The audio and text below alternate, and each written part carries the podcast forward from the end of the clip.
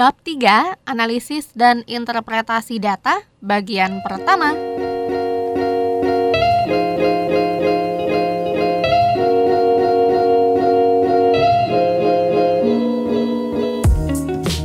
Assalamualaikum warahmatullahi wabarakatuh teman-teman Terima kasih banyak sudah mengklik podcast Andino Radio Episode kali ini melanjutkan episode yang sebelumnya Di mana episode sebelumnya itu kita berkenalan dengan teman-teman para K-popers ya pada saat itu yang menjadi informan dari penelitianku dari skripsi S1 ku yang berjudul Interpretasi Penggemar Terhadap Skinship yang dilakukan boyband K-pop. Jadi pada cara pengumpulan data FGD ini atau Focus Group Discussion itu K-popers yang sudah kita kenalan kemarin dikumpulkan di, di satu ruangan di saat yang sama saling memperkenalkan diri dan menjawab pertanyaan-pertanyaan yang berhubungan dengan penelitian dan mereka bisa saling menimpali satu sama lain. Dari hasil-hasil jawaban mereka itu aku jabarkan dalam beberapa bagian. Jadi semacam uh, ada bab dan subbabnya lagi. Ada sekitar 6 sampai 8 subbab yang ada di skripsiku ini. Supaya nggak kepanjangan aku bagi dalam dua bagian. Aku akan membahas dulu yang kalau di daftar isi ya. 3.2 sampai 3.5 oke okay, let's go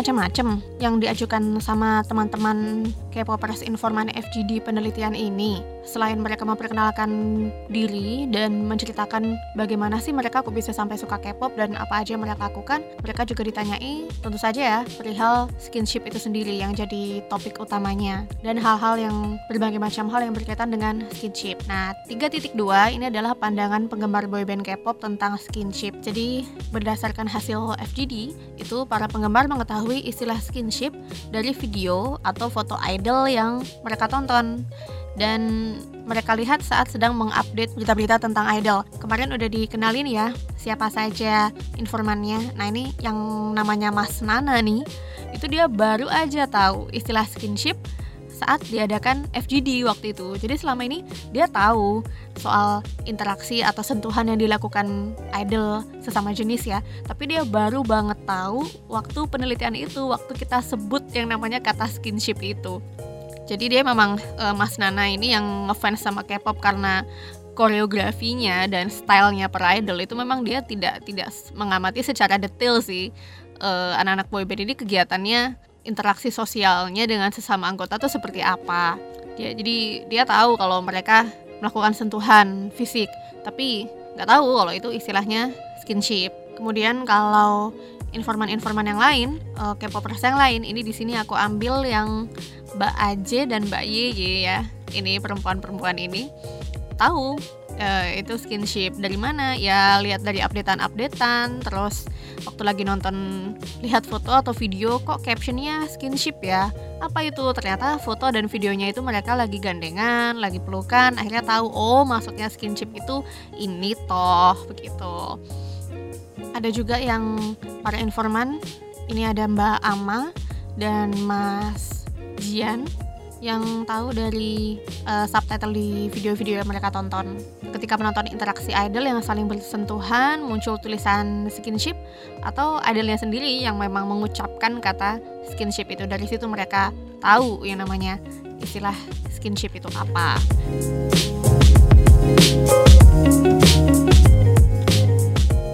3.2 aku bikin lagi 3.2.1 yaitu skinship sebagai fan service untuk penggemar boyband K-pop. Skinship yang dipahami penggemar adalah skinship dalam K-pop. Mereka nggak ngerti kalau skinship itu dari Jepang kah atau di luar negeri di barat itu disebut dengan PDA. Penggemar langsung mengaitkan kalau skinship itu fan service. Jadi tadi kan mereka pertama ditanya ya tahu istilah skinship pertama kali dari mana. Terus yang kedua ini tahu nggak artinya skinship tuh sebenarnya apa? Jadi mereka mengartikannya sebagai fan service dan uh, sentuhan kulit atau kontak fisik. Di sini ada Mas Yaya dan Mbak Yeye yang juga menyetujui hal itu ya kalau skinship itu adalah fan service dan sentuhan uh, kontak fisik. Di sini aku juga mengutip pertanyaannya Mbak Ama ya, informan K-popers Mbak Ama yang bercerita tentang uh, Dongbang Shinki. Ini waktu Dongbang Shinki masih lengkap nih personilnya. Jadi dia sedang melihat uh, video Changmin itu lagi tidur. Uh, kata-katanya Mbak Ama begini. Jadi si Changmin itu lagi tidur. Terus tiba-tiba si Jejung tuh nyium bibirnya Changmin gitu biar bangun. Tapi kelihatannya cute ya, bukan sesuatu yang ih jijik gitu, tapi jadi fun service. Jadi informan Mbak Ama ini melihat ada skinship berupa cuman bibir antara Changmin dan Jejung ya, laki-laki dengan laki-laki. Tapi menurut dia itu cute itu nggak jijik itu lucu itu gemes gitu ya. Dan itu adalah fan service sengaja dilakukan untuk menyenangkan si fansnya ini. Yang disetujui juga di sini sama Mas Yaya. Ya benar itu adalah fan service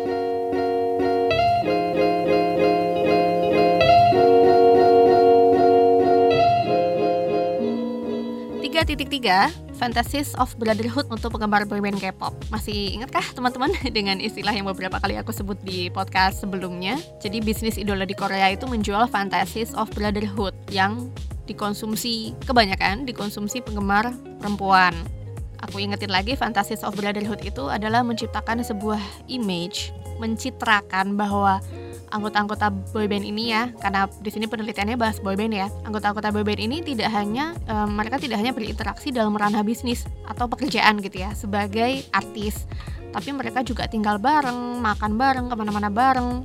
Mereka diperlihatkan seperti uh, bersaudara dan berkeluarga. Dari situlah tercipta Fantasies of Brotherhood karena penggemar ingin melihat sesuatu yang lebih tidak cuma interaksi di panggung tapi juga dalam keseharian dan ternyata itu sangat-sangat disukai sama penggemar jadi semakin banyak yang lihat semakin bisnisnya jalan semakin diekspos lah yang namanya Fantasies of Brotherhood. Di sini Mbak Ama kembali bercerita ya. Di sini ada aku mengutip dialognya uh, Mbak Ama dan Mbak Yeye ya. Ini lagi-lagi mereka ya bisa jadi korban dari Fantasies of Brotherhood ini.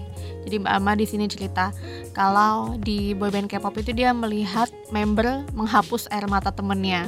Kalau menurutku kayaknya di Indonesia itu jarang ya cowok menghapus air mata temen cowoknya.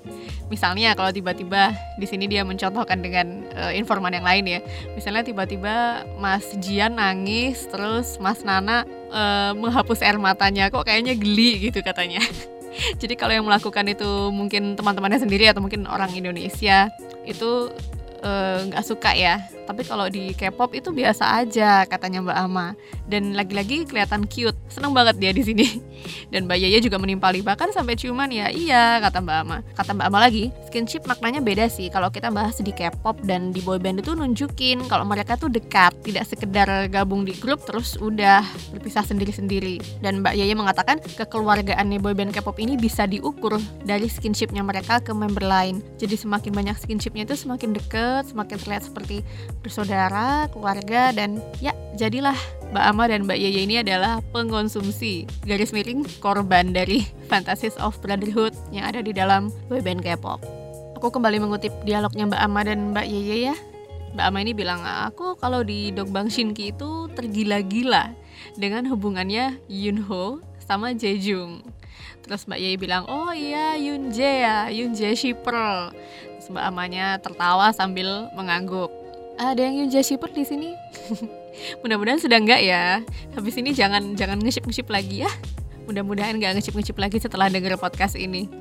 Dan kata-kata uh, pemilihan katanya Mbak Amma dengan tergila-gila ini aku jabarkan lagi ya di dalam skripsiku. Aku cari maknanya di KBBI bahwa tergila-gila adalah ungkapan yang berarti sangat menyukai yang berlebihan, keranjingan, menjadi-jadi.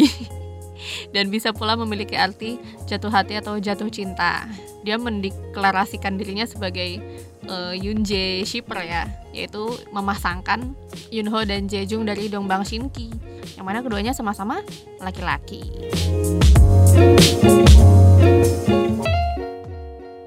Sementara nih, kalau tadi tadi kan para mbak-mbak yang menceritakan tentang fan service dan skinship skinshipnya boyband. Kalau yang informan yang K-popers yang cowok-cowok gimana ya? Nah kalau Mas Yaya ini bilang dia tidak terlalu suka untuk mendalami hubungan antar member baik itu laki-laki perempuan atau laki-laki uh, dengan atau sesama jenis ya. Karena menurut dia ngapain kita tahu? gitu. Dia bukan bukan penikmat dari interaksi para member ya. Dia lebih ke karya-karyanya seperti itu Sementara kalau Mas Ray bilang ya mungkin kalau boyband K-pop antar member paling ya mereka jalan bareng kalau yang pernah aku tahu. Terus kalau variety show kalau sekamar pasti sekamarnya sama si A ini pasti sama si B. Gitu sih kayak gitu aja. Kalau dikasih sekamar sama yang lain itu jadi kayak gimana gitu. Habis gitu ya gitu aja sih. Soalnya aku mikirnya ngapain juga terlalu ngikutin ke yang cowok gitu loh. Kan kita cowok ngapain ngikutin yang cowok? Gitu kata Mas Re. Kemudian kalau ditanya Mas Re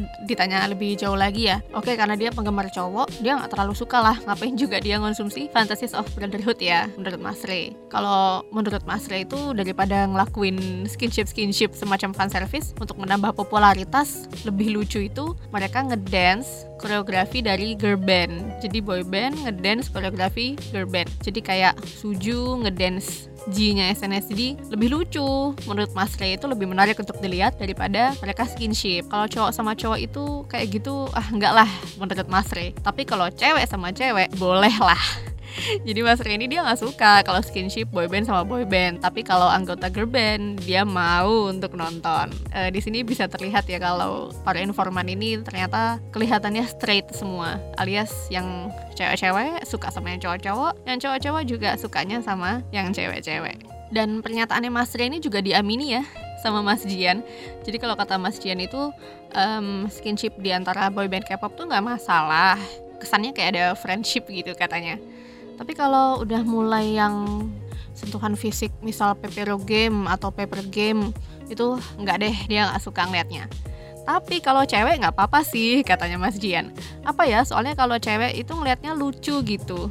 Lucu aja ngeliatnya kalau cewek sama cewek interaksi jadi uh, mirip-mirip ya sama Mas Ria tadi. Mereka nggak seneng kalau skinshipnya tuh cowok-cowok. Tapi boleh kalau skinshipnya cewek-cewek. Kemudian kalau ditanggapi sama Mas Yaya itu ya uh, kenapa kok yang cowok-cowok ini kok senengnya kalau skinship itu cewek sama cewek girl band sama girl band kenapa boy band sama boy band nggak suka? Karena menurut Mas Yaya mungkin karena terpengaruh budaya kita budaya Indonesia ya. Kalau cowok sama cowok itu aneh. Kalau cewek sama cewek itu biasa. Menurut Mas Yaya.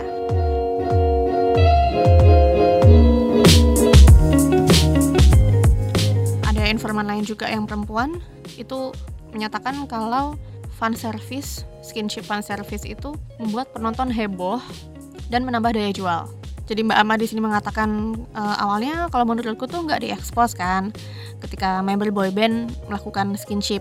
Tapi lama-lama kayaknya ada beberapa pihak yang menganggap oh tindakan skinship ini bisa menambah ketertarikan orang untuk menyukai boyband ini. Jadi makin dieksplor lah skinship itu. Bahkan sampai dibuat disengaja mereka bermain game pepero, bermain paper kiss untuk menambah nilai jualnya mereka.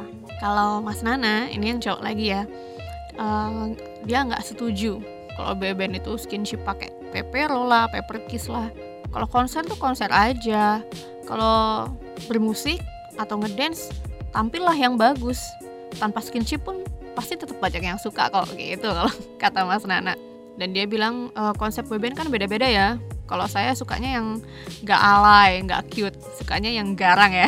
kalau Mas Nana, boybandnya yang sangar.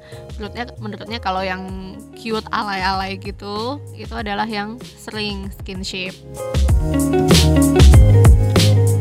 Di tengah informan cewek-cewek yang bilang kalau skinship boyband itu uh, menyenangkan, menarik. Kemudian yang cowok-cowok enggak, enggak itu enggak menarik, mending yang cewek. Nah, Mas Ray ini muncul lagi dia berusaha menengahi ya. Dia bilang kalau gimana kalau idol cowok dan cewek aja lah yang skinship. Jadi sama-sama seneng liatnya katanya. Uh, kalau buat Mas Ray, kenapa nggak cewek sama cowok aja? Soalnya kan ada juga variety show yang cowok sama cewek kan. Kalau cowok sama cewek kan sensasinya lebih enak katanya Mas Re daripada lihat cowok sama cowok.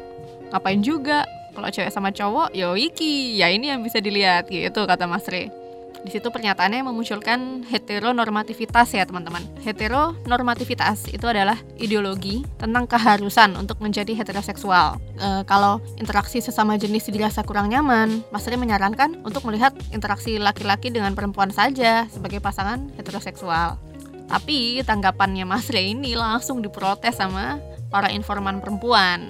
Karena menurut salah satu informan itu kebanyakan fans itu cemburu malah kalau idol cowoknya itu dekat dengan perempuan lain. Bahkan meski itu uh, acting ya misalnya di satu kayak drama ada anggota BBN ini terus dia harus berakting romantis dengan aktrisnya gitu ya. Itu fans-fans itu bisa aduh kenapa masih sama dia? Aku cemburu. Opa itu milikku. Ada perasaan seperti itu. Gimana teman-teman ada yang pernah ngerasain nggak? Kalau opanya itu uh, skinship dengan atau berinteraksi dengan aktris cewek atau penyanyi cewek lainnya atau harus main kayak drama yang acting romantis gitu. Apakah mendukung atau malah jealous. Informan Mbak Ama juga mengatakan di sini ya, menyetujui kalau Mbak Avi tadi kalau fans kalau lihat idolanya deket sama cewek bahkan yang nggak dikenal sekalipun itu bisa jadi korban bullying. Bully di sana tuh kejam banget di Korea maksudnya. Jadi cewek yang beruntung untuk bisa dekat dengan si opa tadi itu bisa dibully malahan. Dan beberapa fans mending melihat opa deket dengan sesama member sesama opa daripada deket sama cewek di luar member. Di sini aku juga menuliskan ya teman-teman, bullying karena perasaan cemburu kalau opa deket sama cewek lain itu tidak hanya pada penggemar yang beruntung itu, tapi juga artis wanita. Jadi uh, peristiwa bullying di dunia K-pop baik sesama penggemar, penggemar pada idol bahkan sesama idol itu biasa terjadi. Contoh kasus yang aku kasih di sini pada tahun itu ya, pada tahun penelitian itu baru aja terjadi bully pada idol wanita yang dekat dengan idol laki-laki yaitu daunnya Twice sama Sehun EXO. Daun sama EXO ini cuma saling follow aja di Instagram. Mereka memang udah temenan sejak lama, tapi tiba-tiba penggemar Sehun secara berbondong-bondong menulis komentar kasar di akun Instagramnya Daun. Bahkan ada juga yang mendoakan kalau Daun cepat meninggal. Kenapa ya? Karena saking sebelnya nggak rela kalau Sehun ini follow-followan sama Daun sama cewek lain gitu ya. Keesokan paginya setelah bullying itu terjadi, Daun menghapus akun Instagramnya sampai seperti itu teman-teman dan kita semua tahu ya kalau bully ini banyak banget dan bahkan tidak jarang yang berakhir dengan idol ini akhirnya memutuskan untuk mengakhiri hidup.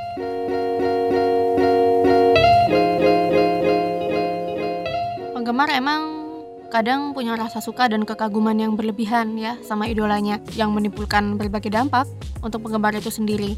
Menganggap idol itu manusia paling sempurna idol itu miliknya tidak boleh didekati orang lain. Obsesif ya uh, posesif rasa suka yang berlebihan ini sampai muncul istilah worship of idol atau menyembah idolanya yang juga membuat penggemar menciptakan ilusi adanya hubungan cinta antara dirinya dengan sang idol. Ketika sudah berfantasi itu oh opa menjadi suamiku bla bla bla akhirnya muncullah kecemburuan. Jadi nggak heran ya kalau ketika idolnya itu dekat dengan perempuan lain baik sesama fans maupun artis cemburulah si penggemar ini 3.4 sebab uh, selanjutnya ya. Suka tidak suka skinship is K-pop. Diskusi berlanjut ya di FGD ini dengan lebih banyak cerita mengenai skinship boyband K-pop yang pernah disaksikan oleh informan laki-laki maupun perempuan. Cerita yang paling heboh pada saat itu yaitu cerita skinship grup uh, ciuman yang dilakukan anggota boyband K-pop. Dan ini yang cerita bukan yang cewek-cewek ya tapi Mas Yaya ini yang kebetulan cerita. Di mana ketika Mas Yaya cerita yang K-popers cowok itu menampilkan ekspresi terkejut dan jijik. Sementara yang cewek-cewek itu kaget dan malah tertawa-tawa bahagia gitu ya. Berbagai reaksi itu memang didasari nilai-nilai dan pengalaman yang dibawa masing-masing K-popers ini. Jadi si Mas Yaya ini cerita dia suka band Trax Jungmo, uh, anggota band Trax ini pernah ciuman sama Hechelnya Super Junior. Kemudian ditanggapi sama Mbak Yeye sebelumnya Hechel uh, sebelumnya juga ciuman sama Siwon dan bla bla bla bla dan mereka akhirnya uh, saling menimpali yang cowok-cowok uh, udah merasa mulai tidak nyaman sementara yang cewek-cewek malah semakin semangat nih denger ceritanya Mas Yaya. Ceritanya Mas Yaya ini yang kisah skinship yang menghebohkan pada saat FGD itu ditanggapi Mas Nana. Kalau saya sih nggak setuju ya K-pop boyband cowok sama cowok itu skinship kayak tadi sampai kayak gitu. Kalian kalau menurut anak K-pop, kalau menurut K-popers lihat kayak gitu ya biasa deh. Tapi kalau orang-orang yang baru tau K-pop coba kalau ngeliat skinship yang sampai ciuman seperti itu, itu pandangannya negatif gitu. Apa-apaan coba? Aku ya udah bertahun-tahun jadi K-popers yo, sek gilo, sek gilo masih jijik gitu. Mas Nana kalau ngeliat skinship boyband K-pop. Kemudian Mas Jian juga dia ngomong saya tidak pernah suka skinship. Semakin mendengar cerita skinship yang macam-macam semakin dia tidak suka ya dengan skinship boyband K-pop. Kemudian di sini Mas Yaya menjelaskan sebagai uh, pendiri dari komunitas Korea di kota ini ya. Jadi Mas Yaya bilang kalau saya setuju lihat skinshipnya cowok-cowok tapi nggak suka. Cuma kalau buat tujuan fan service saya setuju. Karena apa? Ya that's K-pop. Itu yang bikin K-pop beda dari yang lain. Kita sebagai sebagai fans K-pop itu kan itu pasti merasa berbeda dengan yang lain karena kita mengusung budaya yang jauh berbeda dengan yang disukai oleh fans Jepang dan fans uh, budaya-budaya lainnya asal bertujuan. Jadi dia masih Yaya mengizinkan skinship asal bertujuan fan service. Kemudian ditanggapi oleh Mbak Afi ya. Di sini aku nulisnya Mbak AP, inisialnya AP. Teman-teman aku agak lupa kemarin di informan ngomongnya Mbak AP apa Mbak Afi ya. Mbak Afi bilang karena memang sudah jadi salah satu komoditi ya skinship itu di dalam K-pop. Saya mau tidak mau ya memaklumi. Cuman tadi itulah ada batas saya bisa memaklumi dan menerima. Ketika sudah melewati batas itu ya saya mau tidak mau akan akan menolak mereka. Jadi boleh skinship tapi ada batasannya untuk Mbak Avi, untuk Mbak AP. Kalau Mbak Ama, ini ngomong lagi ya Mbak Ama, e, pemakluman. Muncul pemakluman pada interaksi sesama jenis, e, kontak fisik sesama jenis. Soalnya mau nggak mau ketika kita suka K-pop, skinship adalah bagian dari K-pop. Kita suka nggak suka ya, skinship akan tetap ada. Selama kamu menggemari K-pop, selama itulah kamu akan terpapar skinship. Di sini informan Mas Yaya menambahi lagi, e, justru karena saya yakin dengan orientasi seksual saya, makanya saya biasa aja jadi nggak merasa aneh.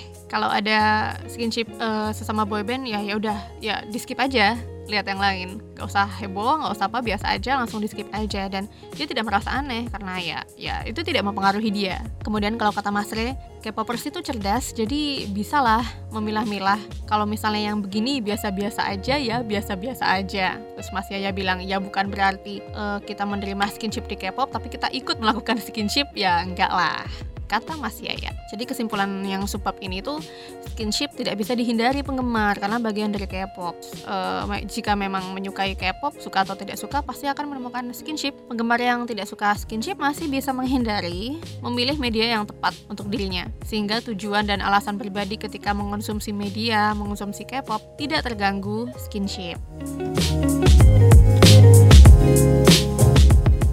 3.5, skinship ditutup-tutupi itu mencurigakan. Ini judulnya aku ngambil dari pernyataan salah satu informan ya. Jadi bicara tentang seksualitas dari anggota boyband K-pop dengan skinship, penggemar itu tidak bisa menentukan secara pasti. Meski skinshipnya sesama jenis ya, menurut penggemar belum tentu itu menunjukkan seksualitas mereka. Seksualitas yang dimaksud kalau ada anggota boyband K-pop yang melakukan skinship dengan sesama member itu karena mereka homoseksual. Itu tidak seperti itu. Para penggemar ini tidak bisa memastikan. Kalau kata Mbak Aje, mungkin kalau mereka go public ya, memang benar-benar mengumumkan seksualitas saya adalah ini misalnya. Itu baru tahu, mengakui secara langsung baru kita tahu. Tapi kalau misalkan cuma pegangan tangan, ciuman, kita ngerti lah konteksnya. Ada games misalnya, karena ada games jadi harus melakukan seperti itu. Oh ya udah, biasa aja. Nah, di sini muncul lagi ya kisah-kisah skinship lainnya dari Mas Yaya yang ditanggapi Mbak Yeye dan Mas Ama dan Mas Nana juga. Eh, sorry, Mbak Yeye, Mbak Ama dan Mas Nana. Jadi Mbak uh, Mas Yaya bilang pernah nggak tahu kasusnya Yunho sama Jejung, dong Bang Shinki ya, lagi jalan sambil gandengan, terus temennya datang ngingetin ada kamera, ada kamera. Terus mereka berdua langsung lepas gandengannya. Terus yang lain uh, bilang oh iya iya tahu tahu. Terus Mas Yaya bilang nah gitu itu kita kan langsung curiga ya. Oh iya pasti. Mas Nana oh iya pasti itu gimana maksudnya? Kata Mas Yaya ya ngapain dia takut kena kamera merah. Berarti jangan-jangan itu memang tujuannya beneran gitu. Ya menurutku yang kayak gitu itu yang mencurigakan. Skinship yang on kamera di depan kamera bisa jadi sekedar fan service. Tapi yang off kamera bisa jadi itu adalah seksualitasnya mereka. Jadi ya skinship yang ditutup-tutupi itu mencurigakan. Ini dari kata-kata yang masih ya ya yang jadi judul subbabnya. Kalau memang skinship sengaja ditampilkan untuk membuat penggemar senang, kenapa idol malah menyembunyikannya? Jadi waktu ada kamera mereka langsung kayak ah bubar jalan gitu. Sesuatu yang biasanya ditampilkan tapi malah disembunyikan memang cenderung mengundang kecurigaan kita ya, kekepoan kita. Oke, okay, sudah 5 subbab teman-teman. Masih ada beberapa subbab selanjutnya di bagian kedua.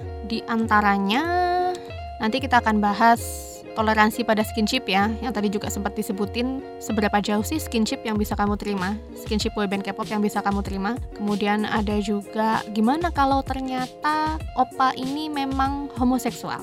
Apakah kamu masih mau ngefans atau tidak? Kemudian bagaimana sih pandangan kamu selama ini tentang homoseksual sebelum kamu tahu atau melihat skinship boyband K-pop dan setelah kamu mengenal skinship.